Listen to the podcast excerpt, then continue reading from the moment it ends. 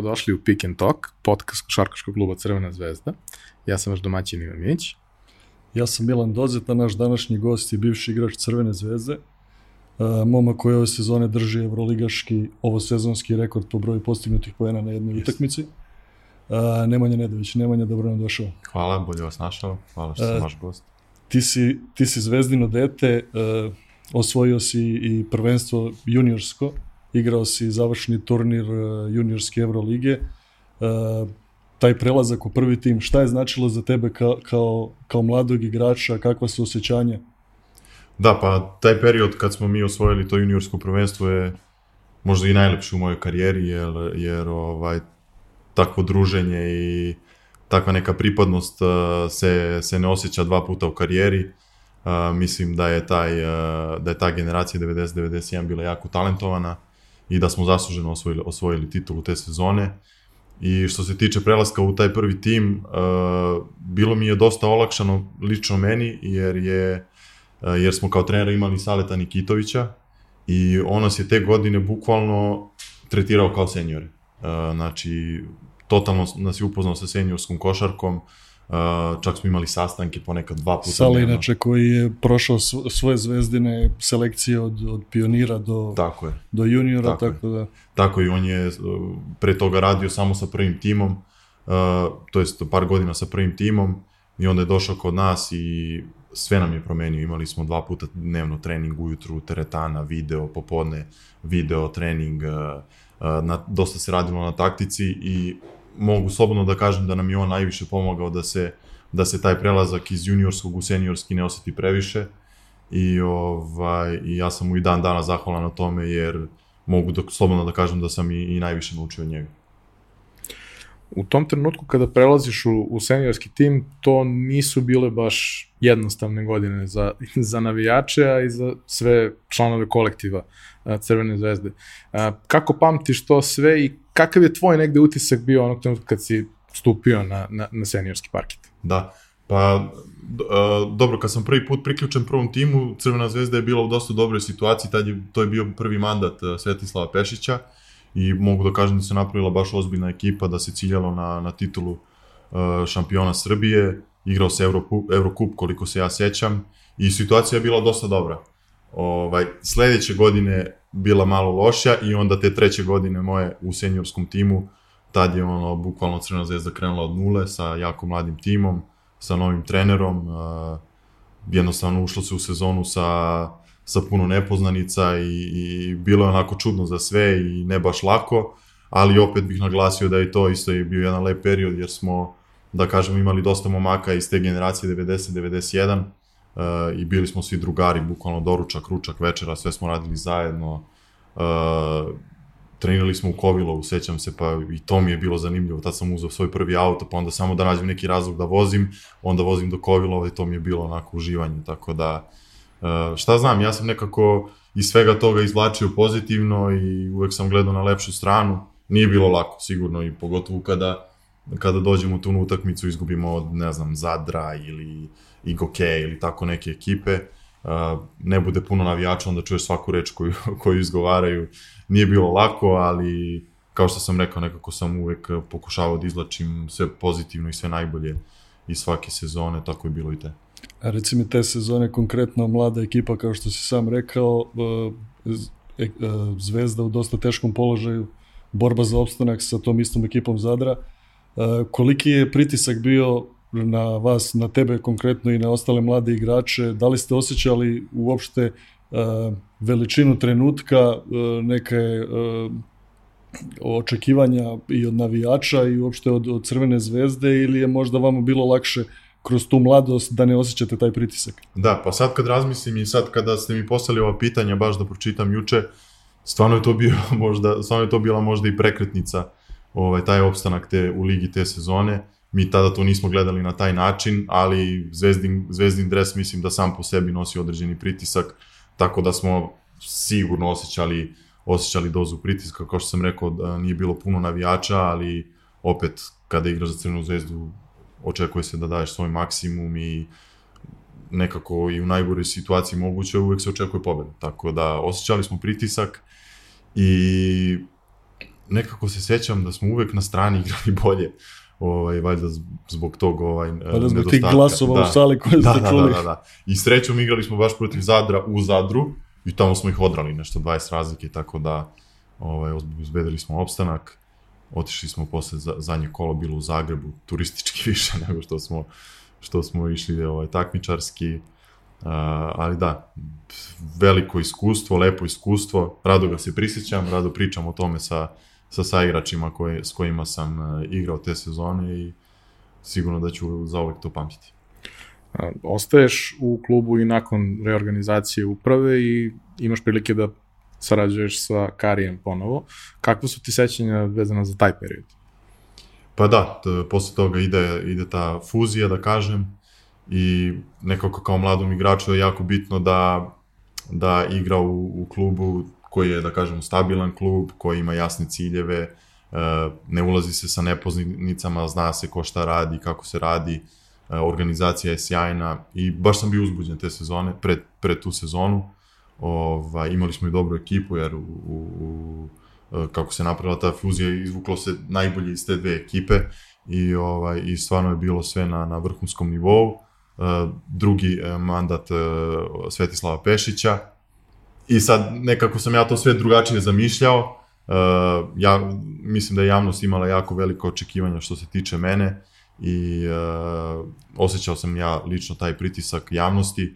Uh, bilo je svačega te sezone, ja, ja, mogu, ja se prisjećam to bukvalno svakog dana, bilo je svačega, svega i svačega, ali opet kažem, uvek sam nekako uh, pokušavao i tražio da izvučem najbolje iz te sezone i svake sezone, na, uvek sam gledao tu pozitivnu stranu, uh, naravno da sam očekivao i više, ovaj, i da kažem neki bolji status uh, u ekipi, ali šta je to je, mislim da je to sve uticalo da, da, da ja budem ovaj, danas osoba koja jesam, igrač koji jesam, Uh, tako da uh, iz tog perioda nosim uh, sjajna prijateljstva koja traju dan, dan, dan danas uh, i šta znam, bilo je sve, bilo je sve lepo, moglo je, bilo da, moglo da bude bolje, moglo da bude bolje i po meni i po Crvenu zvezdu, jer iskreno draže bi mi bilo da je, da je zvezda uzela mislim sad ću da, da, da pričam i o ciframa 750.000 evra od NBA-a a to je uzeo Lietovo Sritas. Meni bi bilo draže da je to Crvena zvezda uzela,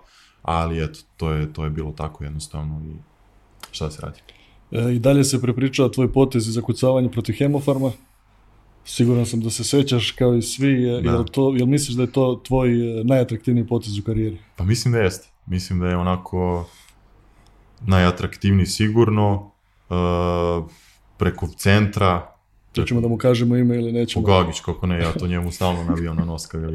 Dobro, bolje što si ti rekao. Da, da, da. Ovaj, I znaš sad, kako više ne zakucam toliko, ono, imam po jedna, dva zakucavanja godišnje, uh, uđem na YouTube, tako pogledam svoje zakucavanje, ono, ne mogu da verujem da se to... Može sledeće pitanje, odmah da se nadovežem na ovo početak tvoje karijere. Uh, nisi se profilisao u početku kao, kao izraziti šuter, uh, ono po čemu te pamtimo iz mandata u Zvezdi i su atraktivne za kucavanje, naravno brz prvi korak. Popularni kamenac. to si, Tako opet, to si opet ti rekao. Da. Ovaj, neka dominacija u otvorenom terenu, pola, pola kontra kontra, dok zadnjih godina, odnosno po povratku iz NBA, uh, e, si, si postao uh, šuter koji više gaji neki NBA stil uh, igre sa nekim šutovima iz punog sprinta, trčanjem oko blokova, šutom i preko ruka, viš, ruke, E, više nego neki e, evropski stil gde se trazi pa, pas više i neki, neki otvoreni šut. Šta je to uticalo da promeniš toliko svoju igru, e, možda Steph Curry ili nešto što se radi u NBA, što si ubacio u rutinu da se totalno promenio? Pa da sam gledao da, da kopiram Stefa, mislim da bi me, da, da, da ne bih imao klub sada, bukvalno te šuteve koje on uzima tamo, to na treninzima, to ono, ne bi trebalo da ponavlja niko, ovo je to mislim da može samo on.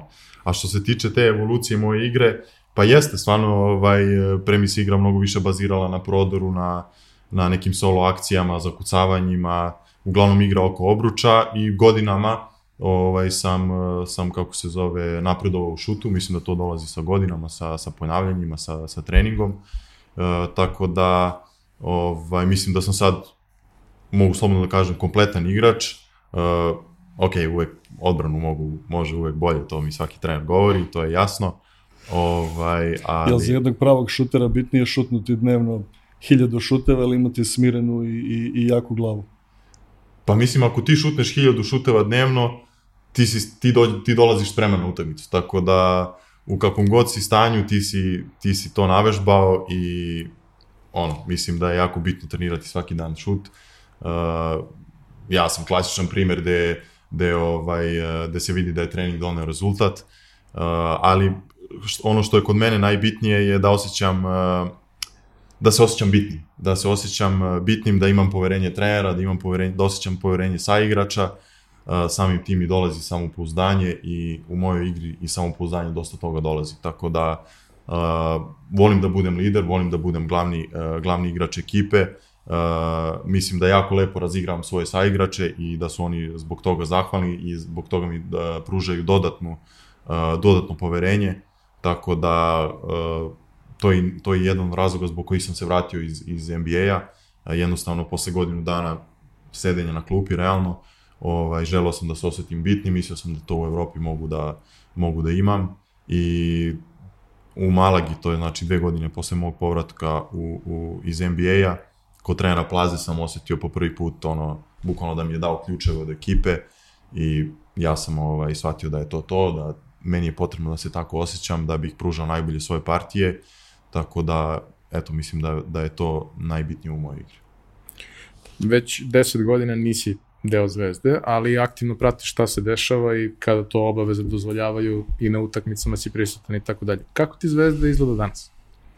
Pa dobro, to je sad uh, druga priča u odnosu na onu zvezdu koju, kada sam ja bio, klub je na, na čvrstim nogama, jako stabilan, redovan učesnik Evrolige, što mislim da je jako bitno da se održi neki kontinuitet iz godine u godinu.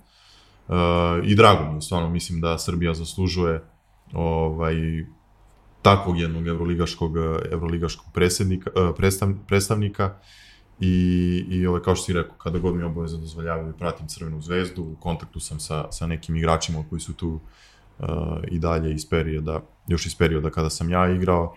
Uh, volim da igram protiv Crvene zvezde, motivisan sam, uh, ne mogu to da sakrijem i ništa, to je to. Ja im želim uvek puno sreće. Možeš malo više da nam kažeš kakav je osjećaj igrati protiv Crvene zvezde. Bivši igrači imaju poseban motiv kad igraju protiv svog starog kluba. Lično mislim da bi bila i uvreda ne odigrati maksimalno Naravno, protiv, protiv da. Zvezde. Kako se boriš uopšte sa tim emocijama? Da li nešto menjaš u pripremi za samu utakmicu što se tiče razmišljanja ili ili pokušavaš da, da bude kao bilo koja druga utakmica. Da, baš to što si rekao, mislim da bi bila uvreda kada ne bih davao svoj maksimum protiv, protiv Crvene zvezde. Ja znam ono, kada pričam s prijateljima pred neku utakmicu, je kao lakše, malo lakše, malo ne. Mislim da baš treba najjače da igram protiv Crvene zvezde, jer na taj način se pokazuje respekt. Ovaj, ali što se tiče tog nekog osjećaja, sad je to mnogo manje nego pre, na primer, sećam se prve utakmice protiv Crvene zvezde od mog odlaska, to je bilo kad sam igrao za Valenciju, i tada ono, nisam mogao da spavam bukvalno celu noć i bio sam jako motivisan i izgo, malo sam i pregoreo i seća se trener Perasović u Valenciji dao mi je 4 minuta protiv teste. ono, bio sam katastrofa, tako da ne, ne volim baš puno da se prisjećam tog perioda, ali imao sam i dobre utakmice protiv Zvezde, pogotovo u, u, u dresu Malage. Uh, sad u dresu Panathinaikosa ovde sam im poklonio pobedu, nema veze, teo sam da se odužim za to. Hvala Opet neću moći da igram, da. u ime kluba zahvaljujemo da, ti. Da, da, da. Ali dobro, pamtim ja sve. A kako si generalno zadovoljan ovom svojom sezonom u Atini? Super je sve, stvarno, ono, sve ono što sam tražio pred početak ove sezone dobio sam u Panathinaikosu. Uh, posle dve sezone, da kažemo, sa problemima u Milanu, uh, opet sam želeo da budem, ovaj, da se osjećam bitnim, da budem jedan od glavnih igrača u ekipi. Uh, imam potpuno poverenje uh, sa igrača, novog trenera, zaista me cene tamo, zaista su me zgotivili i ovaj, eto, nažalost, ovaj, desila se ta povreda lista koju pokušavam da saniram i nadam se da će to biti uskoro, da ću moći da se vratim na teren jer mi stvarno nedostaje košarka. Ovaj, ali super je sve, stvarno familijarna atmosfera u, u to su mi prvo rekli kad sam, kad sam došao tamo da će biti porodična atmosfera i zaista je tako, obožavaju me i, i meni se dopada tamo, tako da nadam se dugogodišnju saradnju. NBA, epizoda o NBA, ispunio si neki svoj san, da li i dalje postoji neka želja da se vratiš u NBA i koliko je uopšte sve to uh, tamo uticalo na na stvaranje neke tvoje ličnosti i uopšte na košarkaške sazrevanje. Da, pa isto, veliko iskustvo, lepo iskustvo, ali drugi svet, totalno drugi svet. E, možda jednu stvar koju bih promenio u svojoj karije, karijeri, to je ta da bih ostao duže u Evropi posle, posle drafta, ne bih odmah otišao u NBA. Mislim da bi mi prijalo dve, tri sezone da odigram u Euroligi, pa onda da idem tamo. Ali šta je to? Jednostavno u tom trenutku sam se odlučio na taj potez. Realno nije mogla gora ekipa za mene da bude. Naravno, bi, sve su to sjajni igrači, sjajni, bili su sjajni prema meni kao saigrači, ali na moje poziciji sam imao Stefa i, i Kleja, ono, nije bilo realno da, da, da ja tu dobijem neku preveliku šansu. Ovaj, tako da, šta znam, postoji dalje ta neka želja da, da se oprobam tamo. Javila se ta želja pre par godina kada su otišli i Teo i Bogdan i, i svi ti moji prijatelji. I ono, nekako bih volao sada da vidim sa ovim kvalitetom koji sada posjedujem kako bih se ja snašao tamo. Uh, ali dobro, imam već, punim sad 30 godina u, u junu, možda, možda i te godine predstavljaju mali problem, ali ko zna, nikad se ne zna. Govoriš pet jezika, što baš i nije čest slučaj za sportiste. Koji su jezici u pitanju i da li ima još neki koji bi volao da naučiš? Da, pa pet sa srpskim, znači da kažemo srpski, nemački, italijanski, španski i engleski. I grčki za mučkoj. Grčki je baš zeznut. Baš zeznut, ono, nekako kad sam otišao u Španiju, imao sam italijanski koji sam znao kao klinac, pa sam mogao odatle da krenem. U ovaj grčki, ne znam odakle da krenem, baš, ono, znam, znam osnovno, znam, e, znam neke psovke, da ih ne govorim sad, ali je baš zeznut. Mislim da bi mi, da bi mi bili potrebni neki časovi da, da, da naučim. A, pored košarke poznaci i po nekim svojim hobijima i strastima, jedna od njih je ljubav prema automobilima. Šta da. imaš da nam kažeš vezano za to? Pa volim, volim automobile. Mislim da ovaj, 90% muškaraca uh, voli automobile na, na ovaj ili onaj način, ali ja sam baš ono, zaluđen sa automobilima, bukvalno pred spavanje svako veče YouTube i šta je izašlo novo, šta ima. Ili imaš neki sledeći automobil na spisku koji bi volao da imaš? Ja, da imam milione, ja, ja bi imao 10 komada, ali ima, ima nekih planova, vidjet ćemo, ovaj, zavisi sad i od, eh, od situacije gde ću sledeće sezone biti.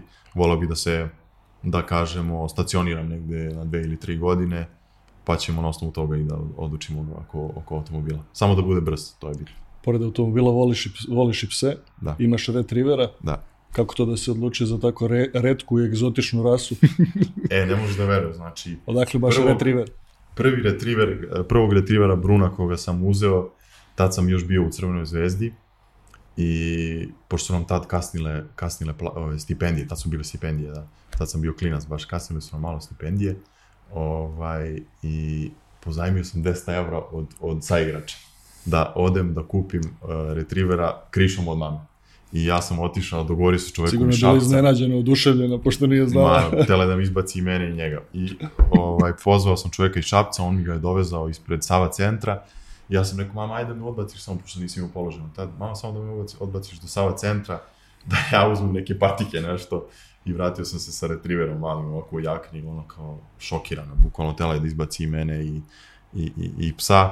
Ali, evo sad, na primer, uh, voli više psa od mene, bukvalno. Tako da, mislim da ćemo, da ćemo zauvek imati retrivere, jer su zaista sjajni, porodični psi, lojalni i ne znam, nekako nikada nije dosadno sa njima. Sada, gde god da igram, pokušavam da ga, da ga vodim sa sobom i zaista su sjajni, tako da... A Tina baš i nije pet friendly što se tiče pasa i mesta za šetanje, kako se boriš To sa je tim? tačno, to je tačno. Nemaju, meni nije jasno, Latini stvarno nemaju uh, trotare. Nema, nema gde, svi šetaju po ulicama. Podižu, je- podižu ih na onog gde, gde sad je Da. najveće gore. Da, Da, da, da, da, tako da malo je borba oko toga, ali našli, našli smo jedan park blizu, blizu naše, naše kuće i ovaj, tu smo svaki dan, puštenje bez povaca, uživa, lepo vreme, tako da. Reci mi ljubav prema futbolu, negde sam pročitao da. da bi želeo posle karijere Da, da, košarkaške da nastaviš da, da igraš futbol. 100%. Spominju su i neki klubovi ovaj, Ruma. Da, da, da, da, Reci nam 100%, nešto više o 100%, tome. dve godine futbal. Godinu dana sigurno, ako bude sve ok, dve godine. Ovaj, kada završim karijeru, moj plan je nek, da igram do 36. i onda 37. 38. da igram futbal. Uh, imam vikendicu blizu, uh, blizu Rume, kod Fruške gore, tako da idealno tamo. FK 1. maj, video sam da su, da su videli, da, da želim Moram da, da ti igram. kažem da i Vrdnik ima futbolski klub, Jel da? lep teren. To je još bliže, da. Eto. Vidjet ćemo. Ali video sam da, da 1. maj, e, u, da su mi već ponudili ono ugovor, fazom kad god hoćeš, tako Znači da. imaš siguran posao Da, što da, god da se desi. da, sigurica me čeka. Otišao si u NBA i doživeo si to iskustvo, a nakon toga si igrao u Evropi, ali si nekako birao gradove koji su super za život. Pa kakav, kakve utiske nosiš iz svakog od njih? Znaš kako, ja nisam onaj od onih igrača da kog možeš da staviš negde u Rusiju, da mu daš platu, auto, stan i igre košarku. Ja, ja ne mogu tako da funkcionišem, moram da se osjećam van terena uh, kako ja mislim da treba da bih, da bih uh, na terenu pružao partije uh, kakve treba da pružam. Tako da nekako sam uvek vagao, posle svake sezone kada sam menjao klub, uvek sam vagao uvek sam birao klub uh, i uvek gledam da to bude uh, neki grad gde, gde je lepo vreme. Meni dosta znači to, tako da Valencija, Malaga, posle toga Milano, ajde tu i tamo, a sada Tina, stvarno ne mogu da se žalim na, na, na, na destinacijama gde sam igrao i nadam se da ću u budućnosti biti eto u prilici da, da opet biram, ali da, bitno mi je stvarno gde, gde živim i gde igram. Posle tih gradova koje si naveo, koji su sigurno prelepi, nekako Beograd se nameće kao sledeći, pa jel postoji negde neka želja ili razmišljanje Pa uvek, uvek, u, mislim, o povratku u Crvenoj da. zvezdi, osvojio si u juniorskoj, nisi osvojio u seniorskoj, pa možda da ispraviš tu nepravdu. Da, da, da, pa jeste. Ovaj, lepo to zvuči sve i mislim da svaki igrač koji, uh, da kažemo, odrasta u jednom srpskom klubu i ode u inostranstvo, nekako savršen kraj karijere zamišlja povratkom u taj, u taj, uh, u taj klub. Ali video sam da je dosta ljudi, da je dosta igrača pre mene to reklo, naš nije, ja mislim da nije fora doći, doći u klub kada više ne možeš ništa da pružiš, tako bi ja mislim varao i samog sebe i, i ljude koji su ti pružili poverenje, tako da ako se to bude desilo nekada, volao bi da to bude i dalje kada bih mogao da pružim nešto klubu.